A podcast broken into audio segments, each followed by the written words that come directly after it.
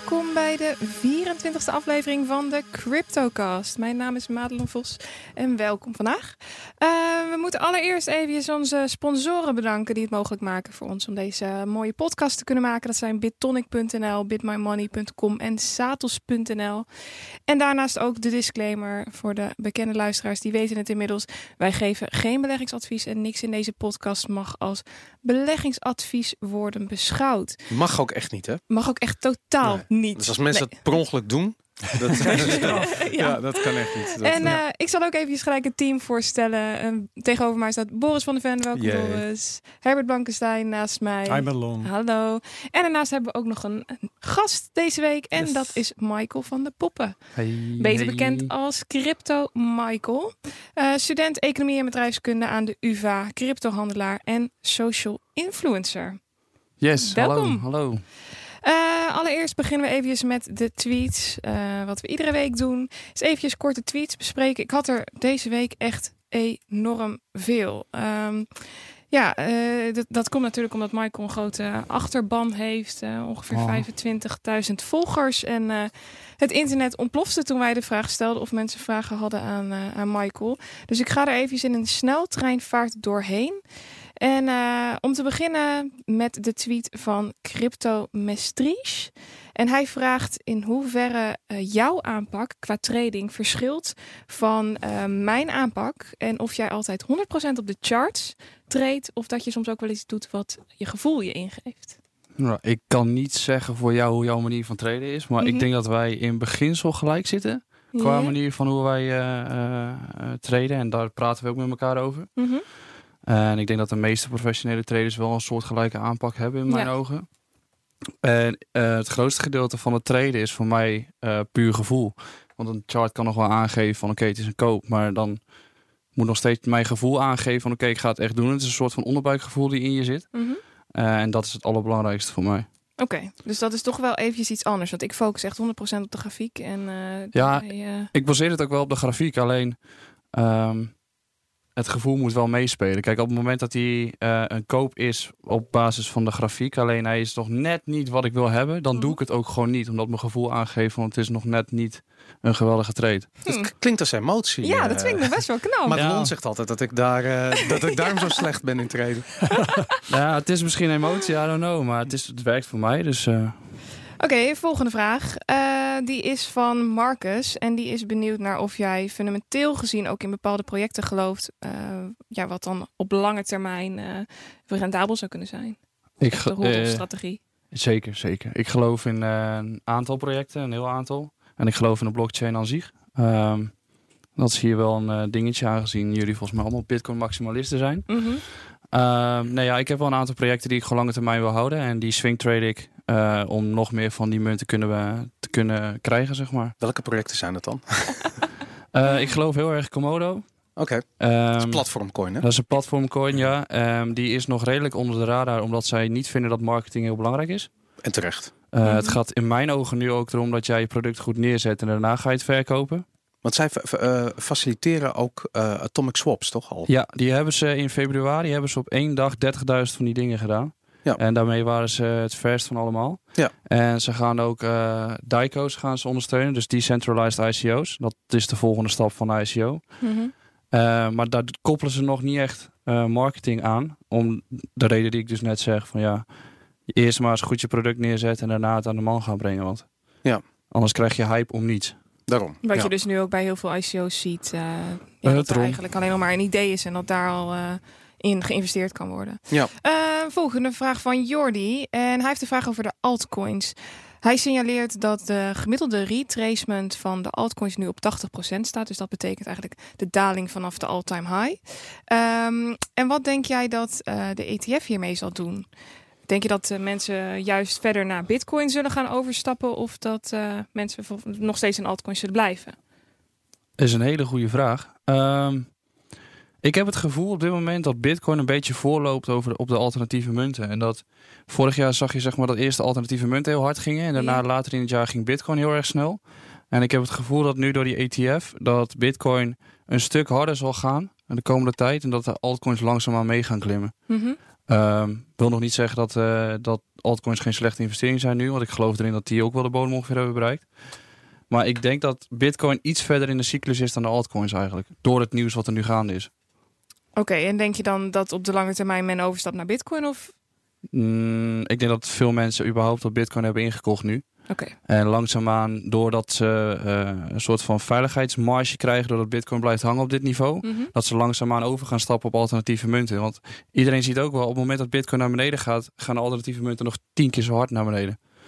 Dus Maar het is gewoon heel erg risicovol. Wat ik zo fascinerend vind, is dat eh, vorig jaar in de alt-season het zo was dat als Bitcoin omhoog ging, gingen de alts harder. Als Bitcoin Ja. naar beneden ging, gingen de alts harder naar beneden. En wat je nu ziet, is dat Bitcoin omhoog gaat en de alts achterblijven. En Mhm. dat lijkt weer op, een, eh, op de periode die vooraf ging aan alt-season vorig jaar, waarbij je eigenlijk zag dat eh, alle gains die er ge- gehaald werden, vervolgens direct naar Bitcoin stroomden.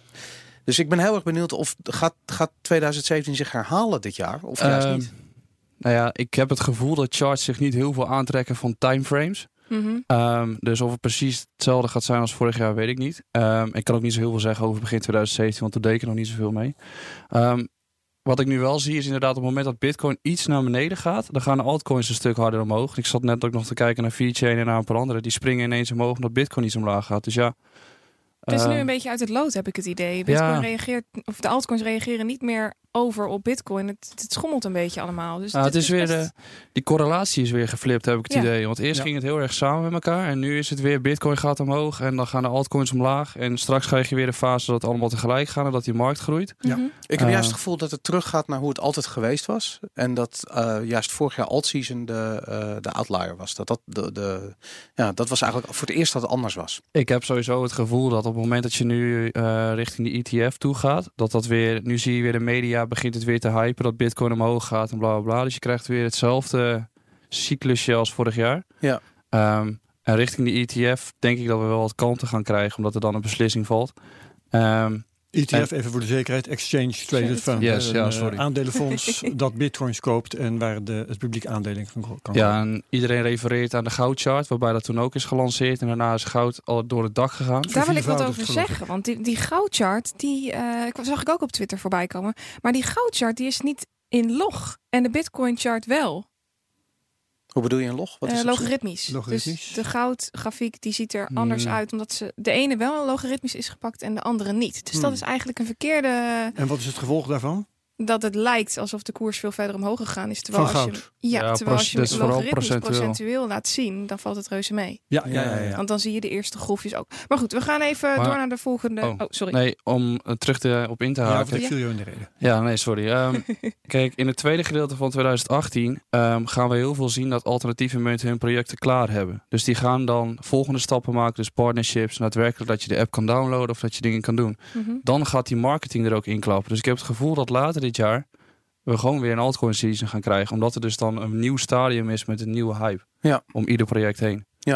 Oké, nou ja, goed, dat, dat, dat is natuurlijk heel erg interessant eh, eh, eh, hoe dat gaat uitpakken. Want ik denk dat hier de fundamenten worden gelegd voor de aankomende vijf jaar. eh, eh, hoe die markt eruit gaat zien. Ik bedoel, het zou zomaar kunnen zijn dat Bitcoin alles wegvaagt. En het tegenovergestelde zou ook heel goed waar kunnen Ja, zijn. dat sluit wel mooi aan op de vraag van, eh, van Edwin. Trouwens, Edwin, gefeliciteerd met je pet. Dat was een leuke foto op, eh, op Een Twitter. echte luisteraar. Yes. Ehm, denk je dat Bitcoin altijd de grootste blijft? Of dat er in de loop van de tijd andere coins deze plaats in zullen nemen?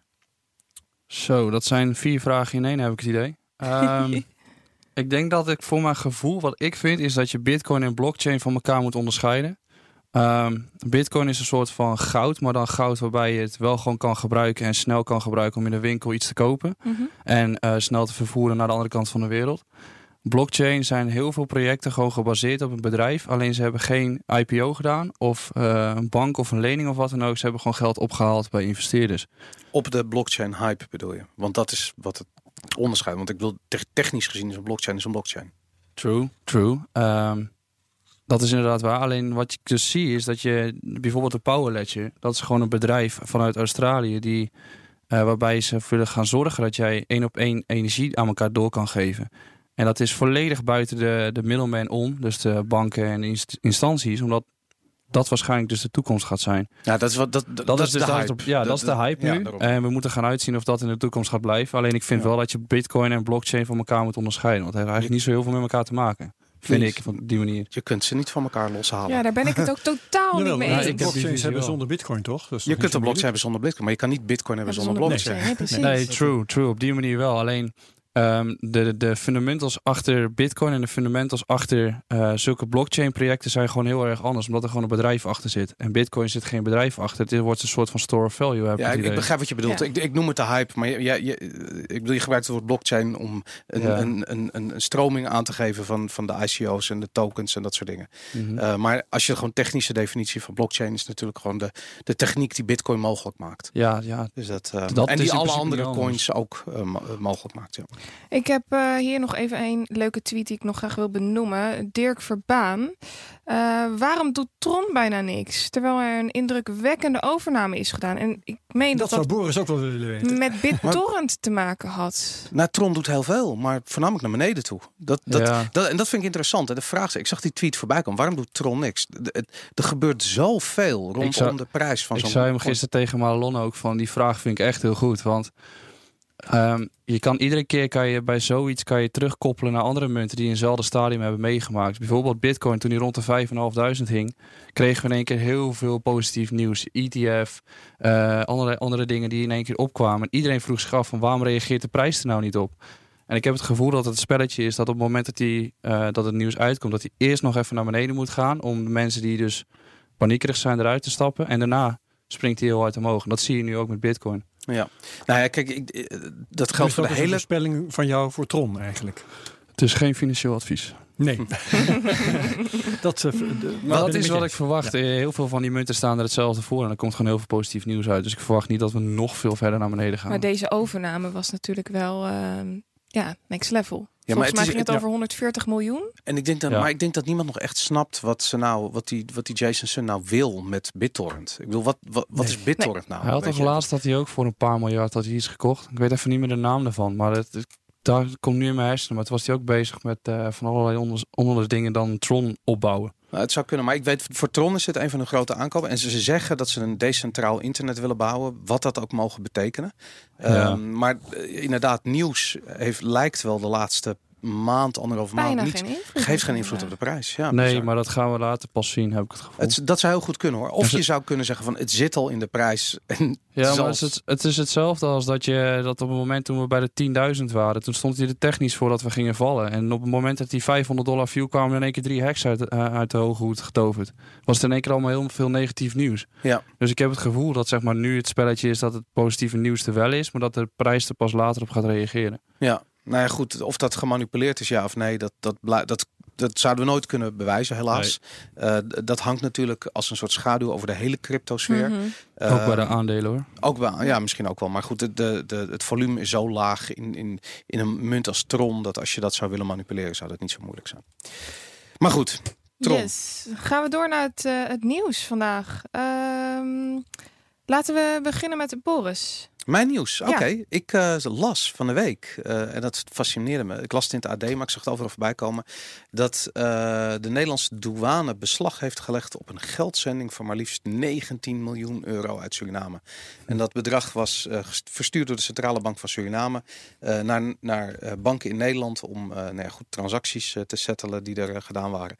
En ik vond het fantastisch. En ik had echt zoiets van: is er nou helemaal niemand in Suriname die snapt dat je voor dit soort dingen dus blijkbaar eh, crypto moet gebruiken?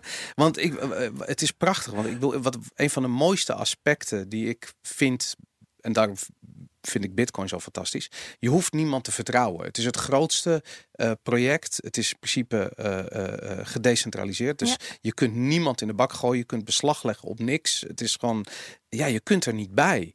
En hier zie je gewoon centrale banken die elkaar eh, beslag gaan leggen op mekaars transacties. Eh, eh, het, er, gaat even, er is even kortsluiting in mijn hoofd. Waarom stuurt een centrale bank van Suriname 19 miljoen euro naar Nederland? Naar een Nederlandse bank. Naar, dus om een transactie, er is waarschijnlijk geld opgenomen in Suriname en dat geld wordt weer terug. whatever. Ik weet niet. Er wordt iets gesetteld in ieder geval. Super Het is- vaag. En het is ook niet een gigantisch bedrag. Je zou zeggen dat de Nederlandse bank ziet op een dag een, een veelvoud hiervan voorbij komen. Ja, Maar het idee dat daar dus blijkbaar dat dit zo werkt. als het nog dat- met cash gaat, dat is eigenlijk lachwekkend. nou, dat kwam er niet helemaal uit. Volgens mij kan het ook wel een, ehm, een, eh, eh, een, een, een, een digitale transactie zijn. Het was niet helemaal duidelijk hoe, wa- wat dit nou precies. Maar ik, Ah, ik geloof oké. niet dat dit dat, dat hier zakken met eh oh, dat, dat eurobiljetten zag ik in, even eh, voor me. Dat nee, met nee, een nee. schip of zo... eh, Nee, dat was volgens mij niet, eh, eh, niet aan de hand. Maar eh, hoe, hoe dan ook, je ziet de banken ehm, eh, zijn niet in elk opzicht te vertrouwen. Nee. En ook al hebben ze misschien wel gelijk en is het witwassen, doet er niet toe. Het gaat erom dat, ze, dat je geldtransacties gewoon niet ehm, soort van buiten de invloed van banken zijn. mhm. En dat zou wel eens een probleem kunnen zijn. En als ik zelf eh, 19 miljoen had en ik zou het niemand overmaken, dan zou ik dat dus nooit via banken doen. Want als iemand er een probleem mee heeft, ja, dan is het weg. Ja, wordt maar het onderschept. ik zit nu te luisteren naar wat jij allemaal zegt. Maar eigenlijk zijn die argumenten allemaal ook voor blockchain van toepassing. Want je zegt, ja, banken zijn dus eigenlijk niet te vertrouwen. Of mensen hebben minder vertrouwen erin. Dus waarom zou je bij een bank een lening aan gaan vragen... als je ook geld op kan halen bij mensen die dus wel vertrouwen hebben? Eh, nou, Door middel van een blockchain. Kijk, het, het gaat me om vertrouwen. Het gaat, Mhm. ik, ik zeg niet dat banken niet te vertrouwen zijn. Het, ik zeg dat ik liever niet te maken heb met een situatie waarin ik iemand zou moeten vertrouwen. Of nou een bank is, Ja, of een andere persoon of wat dan ook. En eh, het probleem wat je blockchain, de altcoins, jij noemt het blockchain, maar eh, het probleem met dat soort projecten is dat er heel vaak eh, dat ze niet echt gedecentraliseerd. Er zit een bedrijf achter of er zit een topman, iemand die in de bak kan gooien, iemand die transacties kan terugdraaien. En dat zorgt dat, ja, wat dat betreft, op dit ogenblik denk ik Bitcoin het meest decentrale project is, waarbij je dus in principe dit soort transacties zou kunnen doen zonder dat iemand er beslag op Ge- legt. geef ik je gelijk in. Alleen is het wel zo dat nog steeds ehm 70% van de bitcoins in handen zijn van 10 mensen ongeveer. Of 10 wallets. Dus of het nou echt volledig decentraal is. ehm, of, dat, of dat er geen manipulatie is of iets dergelijks. Kijk, het spelletje is overal hetzelfde. In de aandelenwereld hebben ook bepaalde mensen heel veel van iets. En bij iedere munt is dat ook zo. Dus Ja. het verschilt Maar het gaat hier in, in, dit, in deze situatie om de transactie. Dus niet zozeer Mhm. om manipulatie of Nou ja, beïnvloeding, maar het verplaatsen van A naar B zonder tussenkomst van een derde partij. Dat is Ja. volgens mij wat Boris bedoelt. Ja. En daar, daar kan ik me inderdaad wel in vinden. Ehm, we moeten even snel door. Herbert, jij had ook een nieuwtje. Ehm, wat ik tegenkom, dat, is, eh, dat betreft de coin Augur. Eh, dat is er eentje die eh, eh, faciliteert dat eh, wordt eh, eh, gewet op bepaalde gebeurtenissen. En wat, eh, die is, eh, was dan een hele tijd in voorbereiding, is niet zo lang geleden live gegaan. Eh, dus die eh, markets eh, over eh, gebeurtenissen de, en de kans daarop, die zijn intussen, die functioneren. En, eh, Kun je dat- een voorbeeld noemen van zo'n gebeurtenis? ja, dat ga ik nu doen. Want eh, wat heel opmerkelijk is, is dat eh, een van de eerste eh, markets die is ontstaan, dat zijn assassination markets.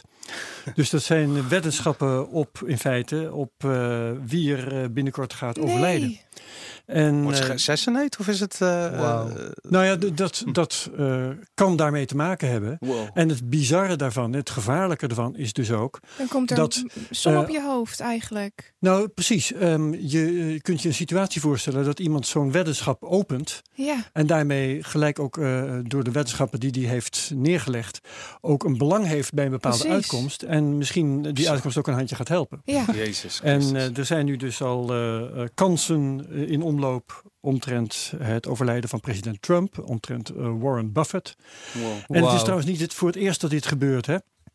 Want ik heb op eh, eh, het dark web heb ik alles eh, zo'n soort site gezien. Dat was dan niet in combinatie met een coin en zo, maar zo'n soort site gezien eh, waarbij er een prijs stond. Beloning. Ik dacht op het hoofd van Obama, maar in elk geval een aantal anderen ook. Mhm. Ik geloof dat Bill Gates daar ook bij was.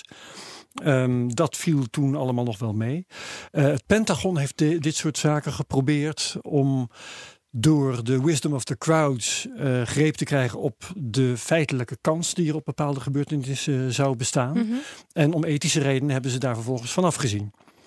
En het is dus heel spannend wat er nu gaat gebeuren. Nu dit ontstaat rondom een bepaalde coin. Ja. Waar eh, een bedrijf eh, omheen zit natuurlijk. Augur is gewoon een bedrijf.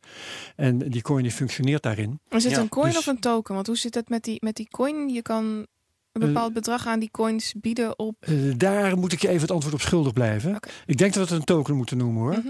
In ieder geval, eh, die, ja, die, die coin die wordt verhandeld. En die speelt een rol in de, in de waarde van die weddenschappen. Ja. Ehm, maar in ieder geval is er een bedrijf dat in dit geval aanspreekbaar is. op het ontstaan van een en ander. Dus ik ben Ja. heel benieuwd of eh, daar nog actie gaat on- eh, ondernomen worden Als op een of andere straks manier. dood neervalt, Wel heel dan, spannend. eh, ja. Ja. Heftig, heftig. Eh, even kijken. Michael, had jij ook een nieuwtje? Ik heb me de laatste paar weken eigenlijk alleen maar bezig gehouden met de G20. Mhm. En ehm, dat vond ik best wel groot nieuws. Ehm, zeker ook omdat in maart ze hebben gezegd van we gaan kijken of we de boel gaan reguleren. Mhm. En ehm, ze hebben een fase van drie, vier maanden nu gedaan waarin ze testen of gingen kijken van is dat nodig. En de conclusie die ze nu hebben gesteld is dat ehm, het geen risico is voor de huidige financiële markten volgens mij. En dus we gaan dat nog niet reguleren. En dat is eigenlijk alleen maar goed voor de hele crypto scene, heb ik het idee. Geen systeemrisico vooralsnog. Maar ik heb wel het idee dat ze wel eh, op de achter... eh, Ze zijn op de achtergrond, tenminste Precies. de, de instanties zijn wel bezig om in kaart te brengen wat het nou is en wat voor regulaties er voor nodig zijn. En ik heb het gevoel dat op het moment dat het markt echt, echt gaat groeien, dat het ook wel nodig gaat zijn om reguleringen te hebben. En dan is de vraag natuurlijk meteen, wat is de grens waarbij eh, de cryptomarkt wel een systeemrisico gaat worden? Heb je Ja. daar een idee van? Ik denk niet dat dat vanuit de hele cryptomarkt moet gaan komen, maar meer vanuit gewoon de huidige economie, of dat wel stabiel blijft in de komende vijf jaar, denk ik. Wat denk, je, wat denk je dat er gebeurt met de prijs van, eh, eh, van, van crypto op het moment dat de economie in elkaar stort? Ehm, ik denk dat dan eh, crypto en goud en grondstof heel erg omhoog gaat. Oké. Want je, mensen- zou, je zou kunnen zeggen dat, dat beleggers op dat ogenblik zekerheid zoeken. En crypto en zekerheid zijn twee dingen die nog niet heel erg met elkaar samengaan. True, alleen op dit moment begint er ook steeds meer onzekerheid op de aandelenmarkt te komen. Met Trump, die als een volledige dwaas bezig is eh, de laatste paar weken. Ehm, en op het moment, nu zie je ook de kwartaalcijfers beginnen tegen te vallen van een aantal bedrijven. En daar reageert de markt echt heel heftig op. Dat zijn bijna crypto-getallen, hoe eh, een percentage, hoe hard ze naar beneden gaan. Ja. En Ja, Facebook. Facebook, Facebook vannacht, ja. Ja. Westzane ook. Die is ook eh 40% gedaald. En ik heb het gevoel dat we dat nog een stuk vaker gaan zien. En op het moment dat dat gebeurt, dan gaan mensen weer overstappen naar goud en naar bitcoin. Omdat ze ergens anders een veilige haven zoeken. Ja, ik vind wat dat betreft goud en bitcoin twee totaal verschillende segmenten. Maar, ehm, eh, maar goed, dat, dat, dat, eh, dat is een ander onderwerp. Ja. dat, eh, Maar er is, is ook weer de constatering dat bitcoin je altijd weer verrast. Ja. Die doet meestal Zeker. tegenovergestelde van wat je verwacht. ja, Ja, maar zo'n koers zoals Facebook vannacht, die is gewoon in overnight voor de markt opent 150 miljard kwijt. Ja, nee, dat, natuurlijk, dat zijn indrukwekkende cijfers. Eh, Maar eh, kijk, mijn punt is meer van wat voor rol gaat crypto spelen in die economie op het moment dat die economie. Kijk, dat die economie op omvallen staat. dat eh, dat roept iedereen al jaren. Ik bedoel, dat is Mhm. sinds 2018, 2008 alleen maar erger geworden Ja. eigenlijk. Dus eh, eh, ja, dat, dat, dat feest houdt een keer op. Ja. En wat jij zegt over de G20, dat eigenlijk iedereen in zijn achterhoofd heeft van ja, we hebben ergens nog die notenuitgang, eh, die heet eh, Bitcoin bijvoorbeeld, in die, in dat, in, in- als het fiat echt in elkaar klapt. En het interessante is dat afgelopen week dat gewoon in de Wall Street Journal, dat daar een artikel eh, in is verschenen, over dat er misschien een reset moet komen. Het feit Ja. dat de Wall Street Journal openlijk praat over een reset, dat is insane. Dat Een is, reset houdt in dat de schulden weggestreept worden tegen... dat, er, eh, dat eigenlijk de dollar losgelaten Ja, wordt. en, en er zijn heel veel verhalen over wat dat zou eh, eh, moeten zijn. Mhm. Weet je, in Amerika hebben ze de special drawing rights als een soort van, van conceptueel eh, eh, eh, systeem waar ook een nieuwe fiat op gebaseerd zou kunnen worden. Maar Bitcoin zou dat ook kunnen zijn, bij wijze van spreken. En Dus eigenlijk hoop jij heel ja. stiekem op het moment dat het misgaat, dat dan de overheden allemaal duiken op een, op een Nee, ik, ik, ik hoop helemaal niet. Als het misgaat, dan, dan kunnen wij hier niet meer met de metro rijden, zometeen. En dan eh, eh, Staat sp- iedereen in rijen bij de, bij ja, de bank. En dan springt eh. iedereen weer van het dak af omdat hij zijn pensioen kwijt is. Nee, Ja, dat dat- is verschrikkelijk. Dus Er Ja. zitten heel veel risico's aan op het moment dat nu bijvoorbeeld de VS echt in de problemen gaat komen. Die heeft gewoon geen ruimte meer om dat op te gaan lossen. Dus Ja. omdat die rente al zo laag is en die gaan ze nu verhogen. En ze hebben geen reserves meer. Dus het is heel interessant om te zien hoe dan crypto zich gaat ontwikkelen. Ja. En ik heb het gevoel dat op het moment dat dus weer hetzelfde gaan zien als 2008. Dus dat er weer banken om gaan vallen. Mhm. Daar komt eigenlijk bitcoin in principe, in principe vandaan. Ja. Dus dan zullen mensen een uitvlucht gaan zoeken en zullen mensen andere dingen gaan doen. Dus ook goud kopen of grondstoffen of weet ik veel wat. Ja. Ja. En je ziet in de meeste instortende economieën dat de bitcoin opeens heel populair Ja, wordt. naar populair Venezuela. betekent Ja. Zimbabwe prijs. is daar een heel Ja. goed voorbeeld in. Venezuela, ja. Turkije nu ook trouwens, inderdaad. Ja. Ik vind trouwens ook, maar daar moet ik gewoon zo over praten, want je, je studeert economie op dit ogenblik. Mhm. En ik ben heel erg benieuwd of je dit verhaal, en vooral het, het bitcoin en de schaarste en de, eigenlijk de oude goudstandaard die weer terugkomt in, in zo'n crypto verhaal, of je dat eh, eh, op je studie meekrijgt. Of, of daar- Nee. Helemaal niet. Gaan we het zo helemaal Gaan we zo verder over, gaan, ja, over dat, eh, hebben. ja. Nog even kort eh, mijn nieuwtje. We hadden vorige week Marius Jansen van Deribit te gast. En eh, van de optie- en futures beurs eh, in Nederland. En ehm, ik kwam een nieuwtje tegen over Bitmax. Dat is een platform waar je met leverage bitcoin kan handelen. En Bitmax die heeft een record aantal bitcoin verhandeld in 24 uur tijd. En dat ging om 1 miljoen bitcoins. Ja. Wat? 1 1 miljoen. miljoen is het grootste casino ter wereld. Is het. 8 Ja. miljard dollar in Ja. 24 uur is daar omgezet. Ja. Jeez. Ja, eh, doe de math. eh, keer eh, 0,05 eh, ongeveer wat zij eh, per transactie aan winst eh, overhouden. Nou, wat, wat zo interessant is, is dat eh, Marius vorige week vertelde dat Deribit dus in feite alleen maar een short eh, verkoopt aan Ja. iemand op het moment dat er een, een, een long Een tegenover aanbieder. staat. Ja, Ja. dus die koppelt mensen aan elkaar. Wat Bitmax doet is totaal iets anders. Die hebben zoiets van jij kunt de positie openen die je zelf wil. Ja. En of daar daadwerkelijk bitcoins eh, eh, achter liggen om, de, om het risico te dekken, dat, eh, eh, nou e- eerlijk ja, gezegd, dat ik weet bedoel, je niet. als er een miljoen bitcoin verhandeld zou worden in 24 uur, dan zouden we dat wel zien in de prijs. Dus je kan er wel van uitgaan dat dat niet zo is. Tenzij ze heel erg veel eh, eh, bitcoin in beheer hebben, wat natuurlijk op zich mogelijk is. In ieder geval op papier hebben ze dit verhandeld. Hetzelfde als dat je de fysieke goudmarkt hebt en de papieren goudmarkt. Eh, zo kun je het ook zien met bitcoin. Of althans, zo zie ik het. Ja. Dus wat dat betreft, het is wel een nieuw record. En dat is wel vreemd in deze markt, in deze tijd. Omdat het allemaal nog, voor mijn gevoel, behoorlijk rustig is. In de media, in, in Ja. de Ik, heb de, ik, zie dat helemaal. Ik zie een FOMO die lijkt op het begin van de, de run van vorig jaar. Ja, het Het is echt, bizar. heftig. Ja, Ja, ja, het is ik zie echt heel veel om me heen. Ik zie mensen die beginnen weer te vragen van, oh Ja. en waar moet ik kopen en wat moet ik doen? En, Nou zit- de Bitcoin FOMO is wel echt heel heftig. Maar mensen die altcoins op dit moment hebben, die zijn nog wel redelijk aan het huilen, heb ik Ja. het gevoel. ja, maar dat komt ja. wel goed. Ja. Dat, dat is misschien het moment dat Ja. iedereen aan het huilen is. Is dit een brug die je hier aan het slaan bent? Want ik kan niet wachten om te horen hoe het ervoor staat met onze, onze virtuele beleggings. eh, een, een heel klein bruggetje. Heel ja. klein bruggetje. Ehm, ik zal eerst even eh, de prijsanalyse. de ja. prijsanalyse eh, behandelen. Eh, ik denk dat het ook wel leuk is om Michael ook even mee te laten praten over de prijs. Ik heb zelf, ik pak even mijn grafiekje erbij. Deze week, ik heb gisteren een klein beetje bitcoin verkocht, of eergisteren was het. Dus het ging behoorlijk, eh, ja, het gaat behoorlijk rustig. Ik heb eigenlijk geen stress. We zaten even aan de bovenkant van, het, eh, van, van de driehoek en we zijn heel eventjes uitgebroken. Mhm. Dus ehm, wat dat betreft was ik hartstikke positief en blij. Maar het volume, jongens, het volume baart me nog steeds heel erg zorgen. Maar we zagen wel een Ehm, toename in volume, toch? De ja, afgelopen een laatste heel dagen is het veel klein geworden, ja. beetje. Maar op het moment dat er een uitbraak is van deze proportie, van een grafiek die zich al vormt vanaf nou, maart, eh, begin dit jaar, dan had ik wel iets meer volume verwacht. Helemaal kijkend naar het volume in december en het volume in januari. Ja. Dus wat dat betreft was het een beetje tricky. Toen gaf ik ook aan van, nou, we gaan nu eventjes testen op, eh, op de bovenste eh weerstandsteunlijn. Ik heb een vraag daarover. Ja. Aan jullie allebei. Mhm. Op het moment dat het volume achterblijft, maar de prijs doet 2000 dollar in, wat is het, een paar dagen tijd. Ja. Zegt dat niet gewoon iets over de schaarste van bitcoin? Dat vind ik niet.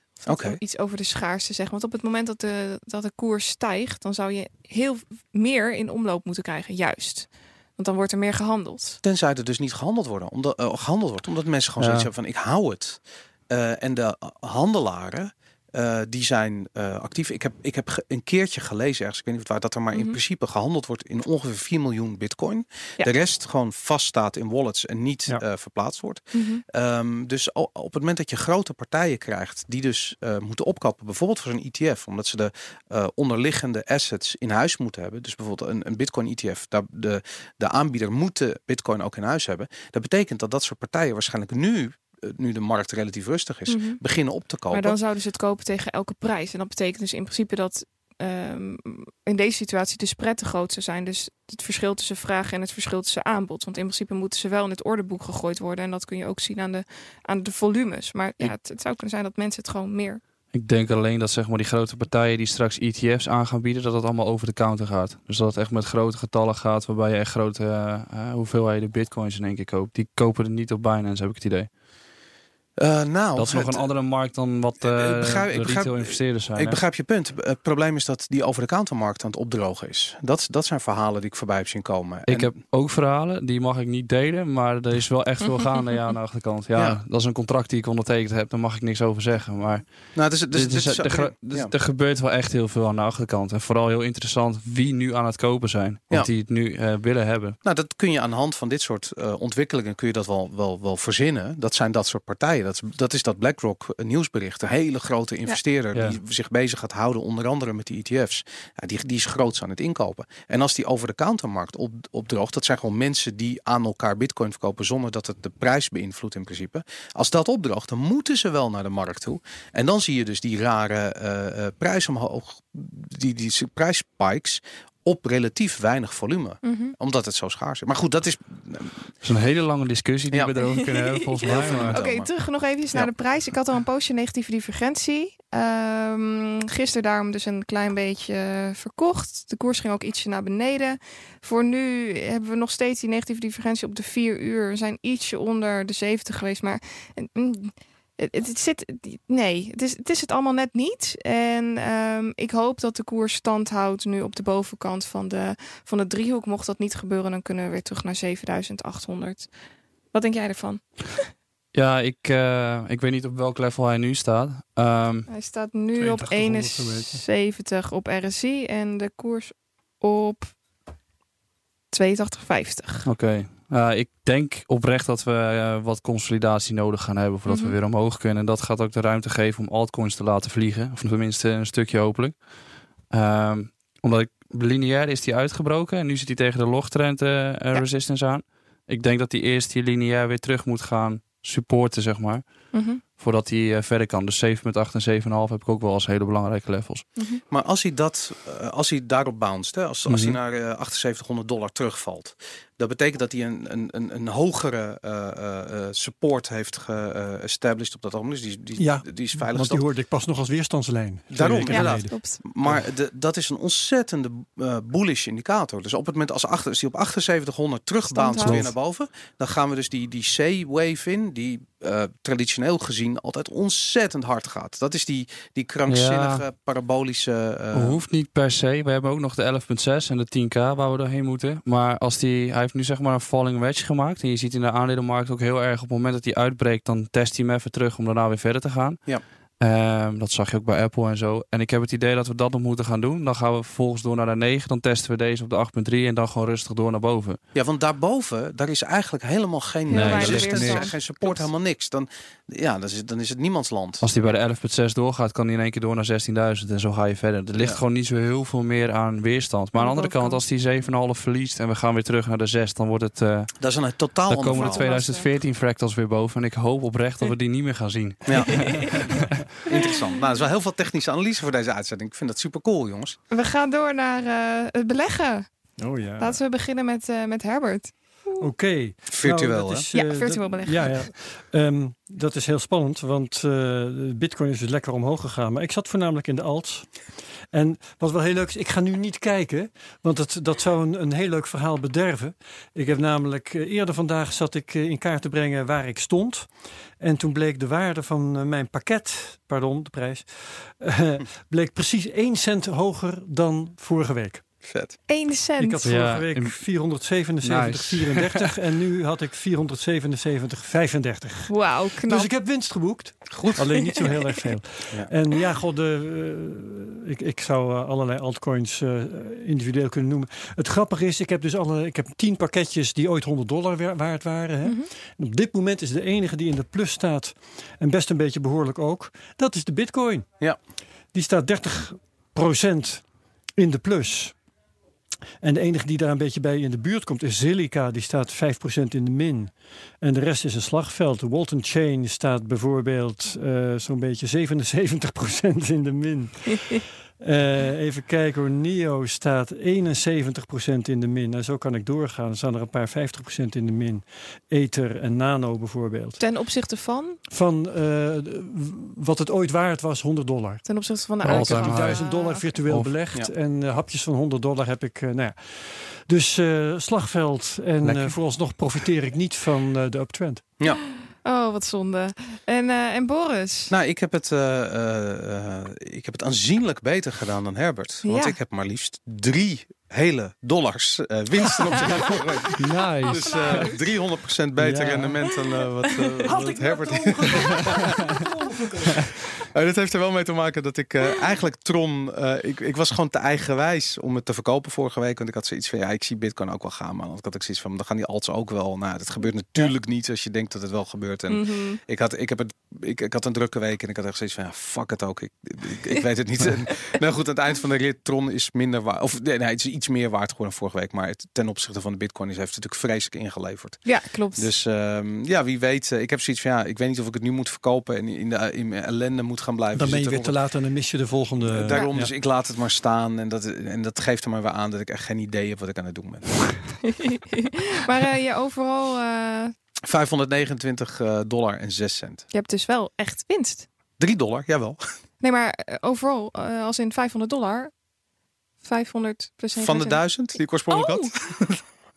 Jij bent met Nee. 500 dollar eh, ik was begonnen. met 500 Ik dollar niet. begonnen. Oh nee. Geeft niks. Oké, oh, sorry jongens. Ehm, Herbert en Boris zijn met, eh met, vijf, met laten we duizend, maar eh. Dan, eh, dan is het bij ons ook 500. Ja. met, met Mooie 1000 editie. dollar begonnen. En ik ben met, eh, met 500 dollar begonnen. Ik zal maar gelijk met, eh, met de deur in huis vallen. Inmiddels sta ik op 767 dollar en 38 cent. Dat is 220 dollar eh, winst. En dat is nou niet omdat ik fantastische trades heb gedaan. Dat heeft ook een, ja, voor een groot deel te maken met, eh, met de bitcoin koers natuurlijk. Ja. En ehm, even kijken. Ik eh, gaf vorige week aan van nou, ik ben nu aan het kijken of ik eventueel in de. eh, of, of ik eventueel uit kan stappen. En voornamelijk dan in de alts. Dus ik heb een paar posities geswitcht gelijk na de uitzending en de dag erna. Welke alts dan? Welke alts? Ik had Tron, Stellar, EOS, die heb ik verkocht. En daarna dacht ik, oké, nu moet ik toch wel weer ergens Steller erin. is gaan stijgen. Klopt. Stellar is door het dak gegaan, ja. Klopt, ik zal, ik zal het even bijpakken. Ik ben, ehm, even kijken, een dag later er weer ingegaan. Eh ik denk dat dat kwam door positieve divergentie. Ik heb nu de Stellar grafiek of Tron? bij. Stellar. Eh, en bij Tron ben ik er, even kijken, ook een, twee dagen later ingegaan. Oké, dus je zit nu weer in Ehm, Tron. Ja, ik zit nu weer in Tron. Dus ik heb nog Eh, hoop. Sorry, ik ga er Ja. nu over ophouden. nee, maar eh, voor de rest zit ik eh, voor een heel groot deel in Bitcoin. En ik heb ook nog wat over in fiat. 150 dollar over in fiat. En eh, ja, het gaat eigenlijk wel behoorlijk steady. Bitcoin heb ik gisteravond een heel klein beetje verkocht om die negatieve divergentie die ik dus aangaf op de grafiek. En ehm, ja, voor nu gaat het eigenlijk wel, wel prima. Ik verwacht dat de alts nog wat gaan doen. Ik hoop deze week. Ja, en daar kijk ik dan ook. nu naar uit. Ik hoop het ook. Gaat, eh, denken jullie dat de alts dan ook wat doen ten opzichte van bitcoin? Of dat ze gewoon wat in dollarprijzen wat gaan doen? Nee, ten opzichte Ten van opzichte Bitcoin. van Bitcoin, Ja. ja. Ja, want Ja. Bitcoin moet nu weer wat terug, wat adem gaan halen. En dat kunnen de alts weer verder omhoog. Dat is toch wel echt Er zijn er ook al wel een paar echt flink aan het bewegen nu hoor. Ja. Zoals eh VeChain is sinds de bodem alweer plus 50%. Ja. En eh, nou ja, Stellar is heel hard gegaan. Ja. Stratus ging gisteren heel erg. Dus het begint, uh, Vertcoin. Dus het begint nu wel weer langzaamaan te Oké, bewegen. Er zit weer leven in de brouwerij. Nou, Ah, is het goed. werd tijd. Ik heb ehm, voorafgaand aan deze uitzending even een, eh, een tweet geplaatst op Twitter. Met een stelling. En dat sluit heel erg mooi op, aan op, eh, op Michael, waar we zo meteen eh, uitgebreid mee gaan spreken. En eh, die tweet die, die zei het volgende. Ik laat me wel eens onbewust beïnvloeden door uitlatingen van, een bekende, van bekende cryptofiguren op social media. En de uitslag vind ik toch wel ehm, best wel heftig. Eh, 141 mensen hebben gestemd en 58% van alle mensen die laat zich wel eens onbewust beïnvloeden door logisch, social toch? media influencers. En we zeggen nog zo, geen beleggingsadvies. Ja. Ja, maar het gebeurt dus toch. ja. Ja, is ook logisch, vind je het toch? gek? Maar, Dat maar is- dat is overal zo, hè? Ik laat me zeker beïnvloeden, ja. Ja? Ja, Jij ik ook, niet. Herbert? Nee, nee, nee, nee. nee. Ik Jij in het wel? begin, toen ik begon, keek ik ook altijd naar de andere eh, mensen op Twitter. En liet ik me ook beïnvloeden toen door wat er gebeurde. Ik kijk überhaupt eigenlijk bijna niet. Ik kijk nu ook bijna niet naar meer naar andere... van anderen. Nee. Ik moet zeggen, ik laat me niet beïnvloeden door grafieken of zo, maar ik laat me gewoon beïnvloeden door eh, de kennis die mensen hebben over waar we staan in de markt. Het Of sentiment. het Ja. sentiment, maar ook bijvoorbeeld eh, eh, met zo'n ETF wil ik alles weten van zo'n ETF. En dan wil ik weten hoe dat werkt en Ja, dat Eh, allicht. dat, Ja. dat Maar- soort maar dingen. beslissingen. Ja, nou, maar ik, ik handel niet. Dus Nee. ja, ik, ja. Ik kijk vooral nu op, eh, op Twitter om te kijken wat zeg maar dus het sentiment is. Mhm. En als ik zie dat, zoals toen Bitcoin bij de 5.500 hing, nou, er was geen woord positief op Twitter gaande over Bitcoin. Iedereen dacht dat het naar beneden ging en dit en dat. En dan krijg je vanuit daar in die emotiefase waar we in zitten, krijg je een extra argument van oké, nou we zijn er nu wel bijna. Ja. Dus dat is ook wel een goede indicator om op Twitter te kijken van ja, als er iedereen naar één kant kijkt, dan gebeurt dat meestal niet. Dus dan Ja. handel je contrair en dan doe je juist het tegenovergestelde. Dat is wat je wilt als je de markt wil verslaan, lijkt me. Eh, even kijken hoor. Ehm, Michael, laten we gelijk... Mag ik nog eh, eventjes oh, mijn eh, 100 dollar per week? oh, sorry Herbert. Ach, Ja, sorry. want- ja, dat Ja, is de beste week, Ah. denk ik, ooit. Dit, eh. dit, is, dit is het nieuws van de week. Ja, want ehm, ik stond tot nu toe alweer een hele tijd in de min. Door de daling van de bitcoin, omdat ik op eh 9000 en daaromtrent had ik het nodige gekocht. Ehm, inmiddels ben ik toe aan de 17e 100 dollar die ik inleg. Nu op een koers van 82,44. Dankzij het feit dat ik een paar weken lang eh, tussen de 6 en 7000 heb kunnen kopen, ga ik nu lekker omhoog. En ik sta nu opeens weer in de plus. Zomaar opeens, inclusief de laatste inleg, die dus nog helemaal niet heeft gerendeerd, inclusief die laatste inleg sta ik meer dan 10% in de plus. Zo. Dus eh, al die weken van eh, inkopen op lage niveaus, die gaan nu vruchten afwerpen. En wat dat betreft zeg ik ook, laat die nog maar een keertje terugvallen. Dan heb ik precies. volgende week nog weer een voordelige week. Als de koers nu 10% Ja, dus, stijgt, eh, dan eh, ja. Wat, eh, wat een dergelijke strategie je kan opbrengen, dat, dat wordt zo langzamerhand duidelijk. Geen beleggingsadvies, geen beleggingsadvies. Maar het werkt wel goed op dit moment. Ja, op dit moment wel. Maar stel dat de koers nog verder eh, gaat stijgen, dan nou ja, straks... weet je, eh, dat is, dat is het hele punt. Eh, alles is goed voor mij. Ja, Als het daalt, dan koop ik voordelig in. Als het stijgt, dan neemt de waarde van, eh, van mijn beleggingen toe. Dus het gaat altijd goed. of je koopt het duur. Ook, natuurlijk. Ja. Maar weet je, daar heb ik nu ook alweer over zitten nadenken. Wist ik trouwens al. Maar eh, als de eh, prijs van de bitcoin ver genoeg stijgt... ga ik op een gegeven moment merken... dat die 100 dollar elke week erbij leggen... geen zoden meer aan de dijk zet. Mhm. Moet natuurlijk wel een heel eind verder gaan. En tegen de tijd dat ik dat merk, dan is, kan dat een reden zijn om op te houden. En verder gewoon de prijs van de bitcoin het werk te laten doen. Mhm. Waarom zou je dan nog bijleggen? Nou, heel interessant. eh, ja, dat het nu eindelijk zijn vruchten af... eh, Ja, en de. McAfee-index, voordat je het Oh ja. vraagt, eh, stond vorige week 50% in de min.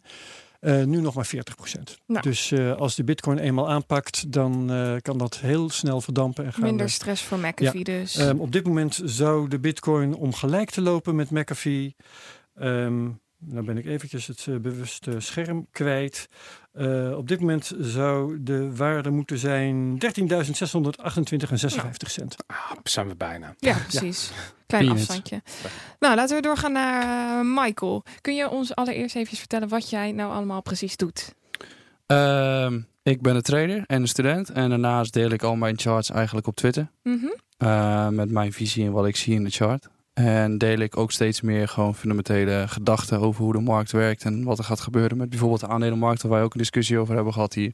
En gewoon eigenlijk mijn eigen visie delen. Je bekijkt dus eigenlijk de markt als geheel en daarnaast treed je je eigen coins. Ja.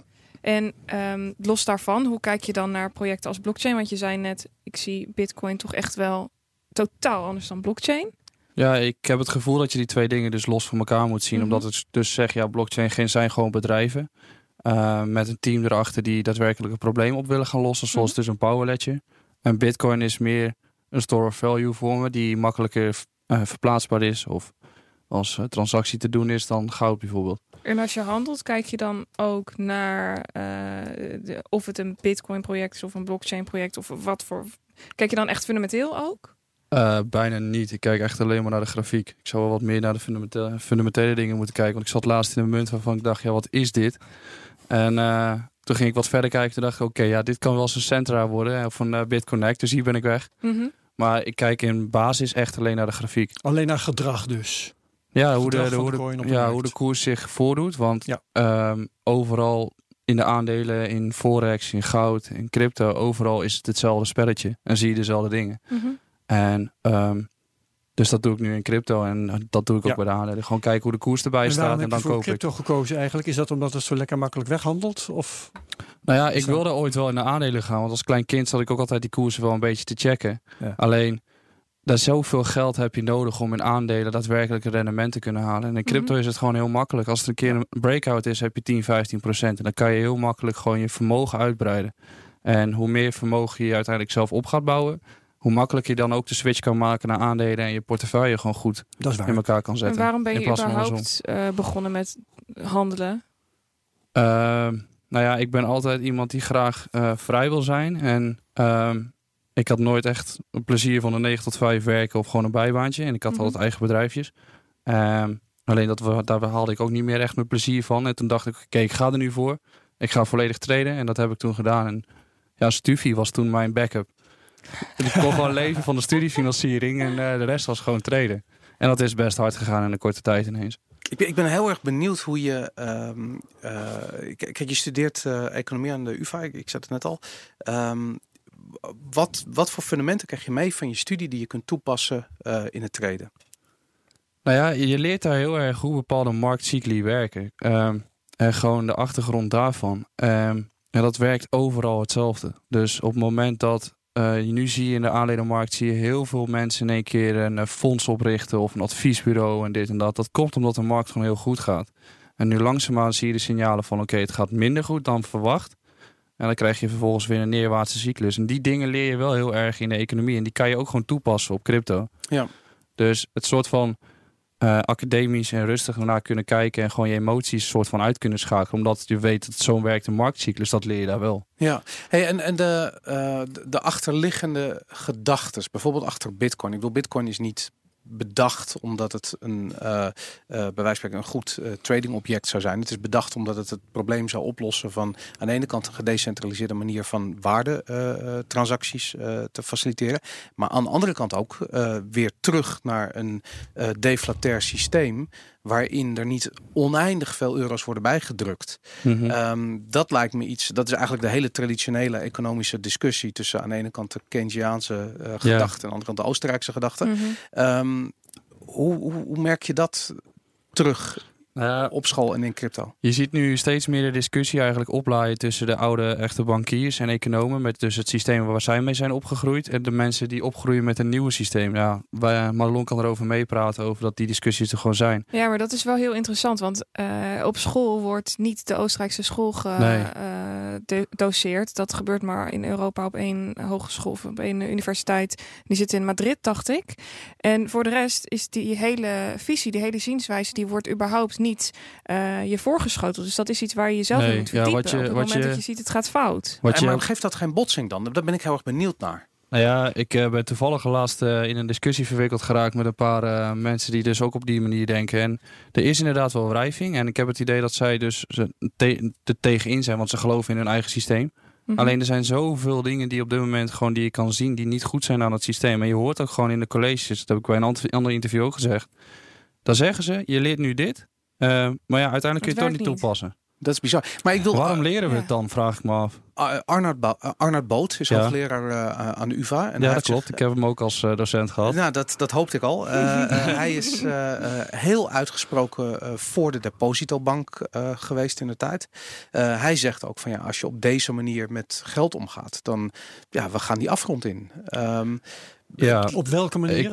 Wat is het precies eh, wat Het- ons de afgrond indrijft? het oneindig bijdrukken eh, van ja. geld en het, eh, het daardoor creëren van waardevermindering van, van, van Ik- onze euro. Ik denk dat je als je van mijn studie, sorry hogeschooldocenten, als je daar een aantal mensen van zou moeten noemen die wel weten waar ze het over hebben, dan is Arno Boot wel echt een legend. Want Ja. ik heb hem ook gehad en dat is een van de weinige mensen die volgens mij echt weet waar hij het over heeft. Ja. Die heeft ook met crisissen meegeholpen.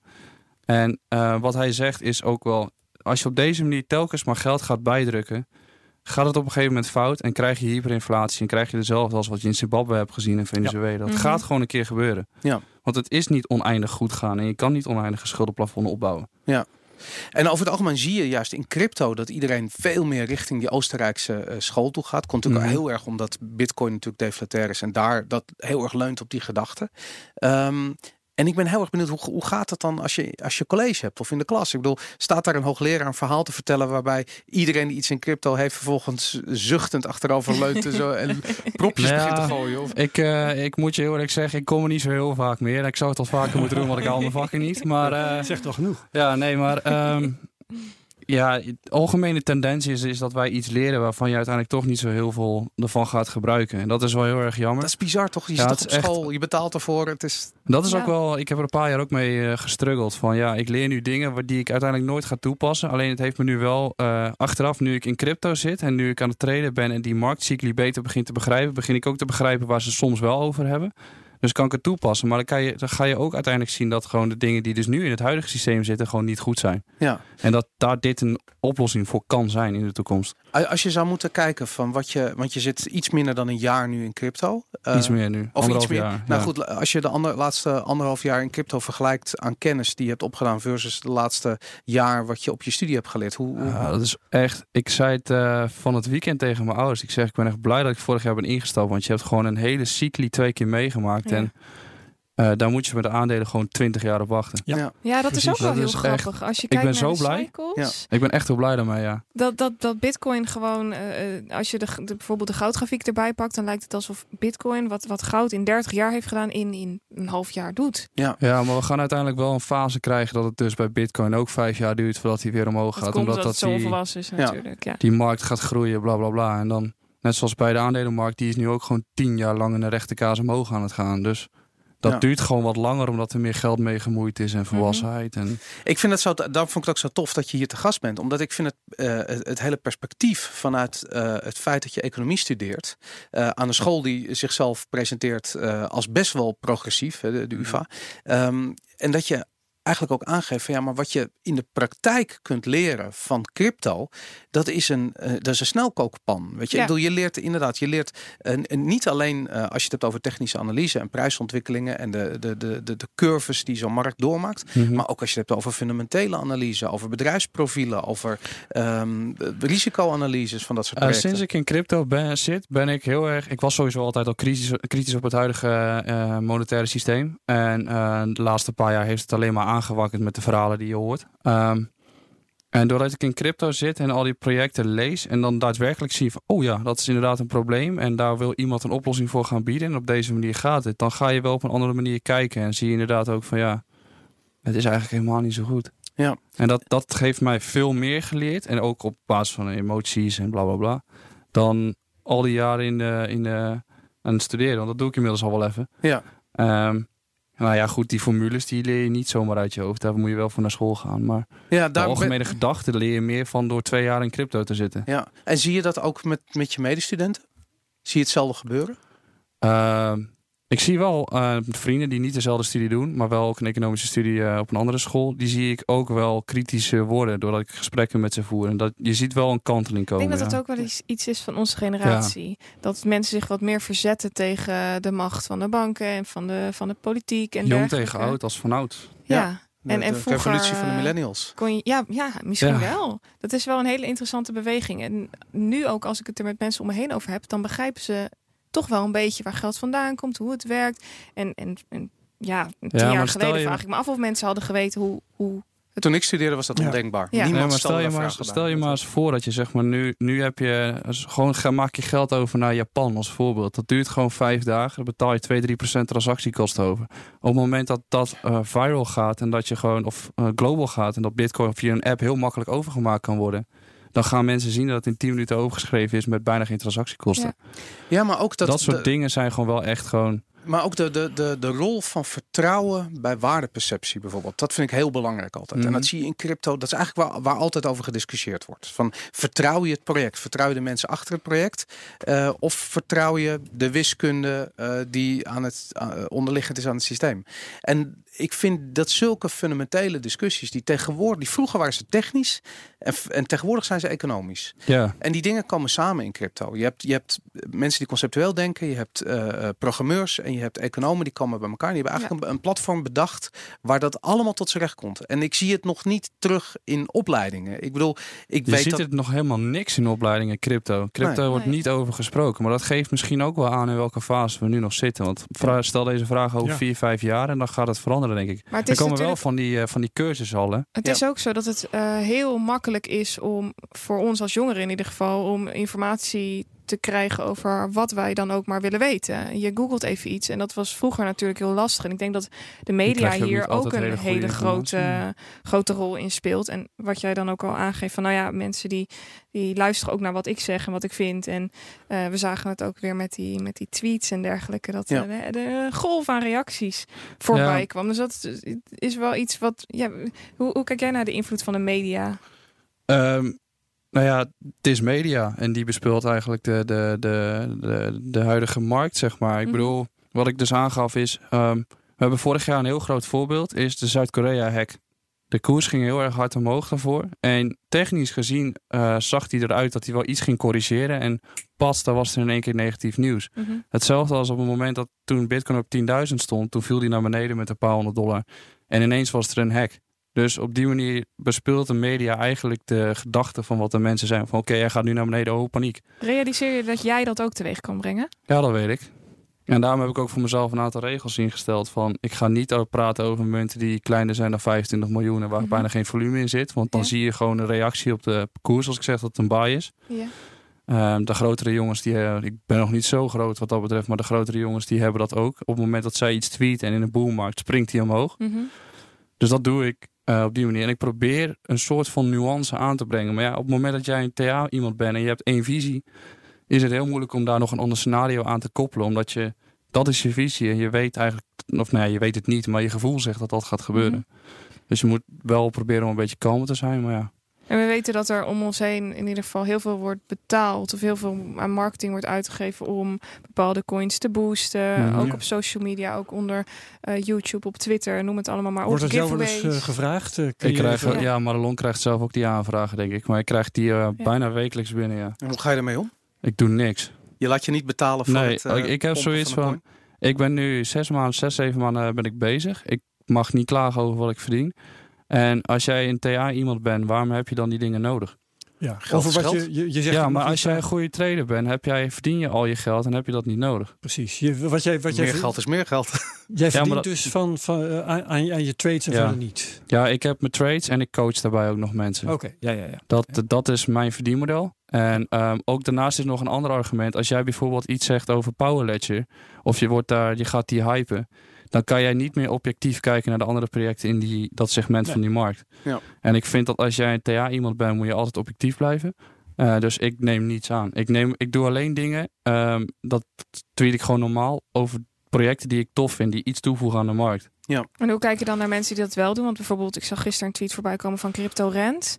Die dan, eh, je weet gewoon dat het gesponsord is. Als, als hij dan zegt van, nou, je moet dit kijken, want dit is wel een, een leuk project. Dat ik dan denk, hoeveel geld heb je hiervoor gekregen? Hoe Ja. kijk je daar dan naar? Dat frustreert ik- mij soms wel eens eh, namelijk. Ik heb mensen wel eens erop aangevallen van, joh, stop er nou eens mee dat ze tien projecten gaan promoten. En het belangrijkste voorbeeld is denk ik wel Scroll Token. Mhm. Ehm, die wordt gehyped door zes, zeven mensen die ook meer dan 50.000 volgers hebben. En die ging alleen maar omhoog, omhoog, omhoog, omhoog. En volgens mij is die gisteren ineens met 80% gevallen. Hm. Dat was een coin die je bijna niet kon kopen. Er zat 300.000 dollar volume in. Mhm. Maar die wordt dan wel gehyped door zulke grote jongens. En dan springt hij naar beneden en springt hij weer omhoog. Ja, ik heb daar geen goede woorden voor over. Ik moet je zeggen, ik heb, ik heb een heel dubbel gevoel erover. Hè. Ik bedoel, dat, dat het bestaat, eh, daarvan realiseer ik me dat het onontkoombaar is. Ik bedoel, True. mensen, mensen zijn eh, altijd wel ergens corrupt. Dus iedereen heeft een prijs, dus dit zal vast wel gebeuren. Maar waar ik me over verbaas, is dat mensen dat, ze- dat soort adviezen aannemen. Dat ze Ja. zeggen, van, ja, ik ga de scroll token Dat kopen. naar wat- luistert. Nou ja, Ja. 57% van de mensen doet het dus toch. En ja, jij ik- zei ik- ook, ik- ik, ik- laat me wel eens beïnvloeden. Ja, maar, ik, Dus- maar niet op deze manier. Weet je, als iemand tegen mij zegt van hey, je, moet, je moet echt eventjes eh, de, vanavond in dat restaurant gaan, want het is echt heel goed. Dan kijk ik wie is dat? Weet je, is dat een goede Ja. vriend? Kan ik de advies? Daarom, Ja. weet je, Ja, en maar- waarom zegt hij dat?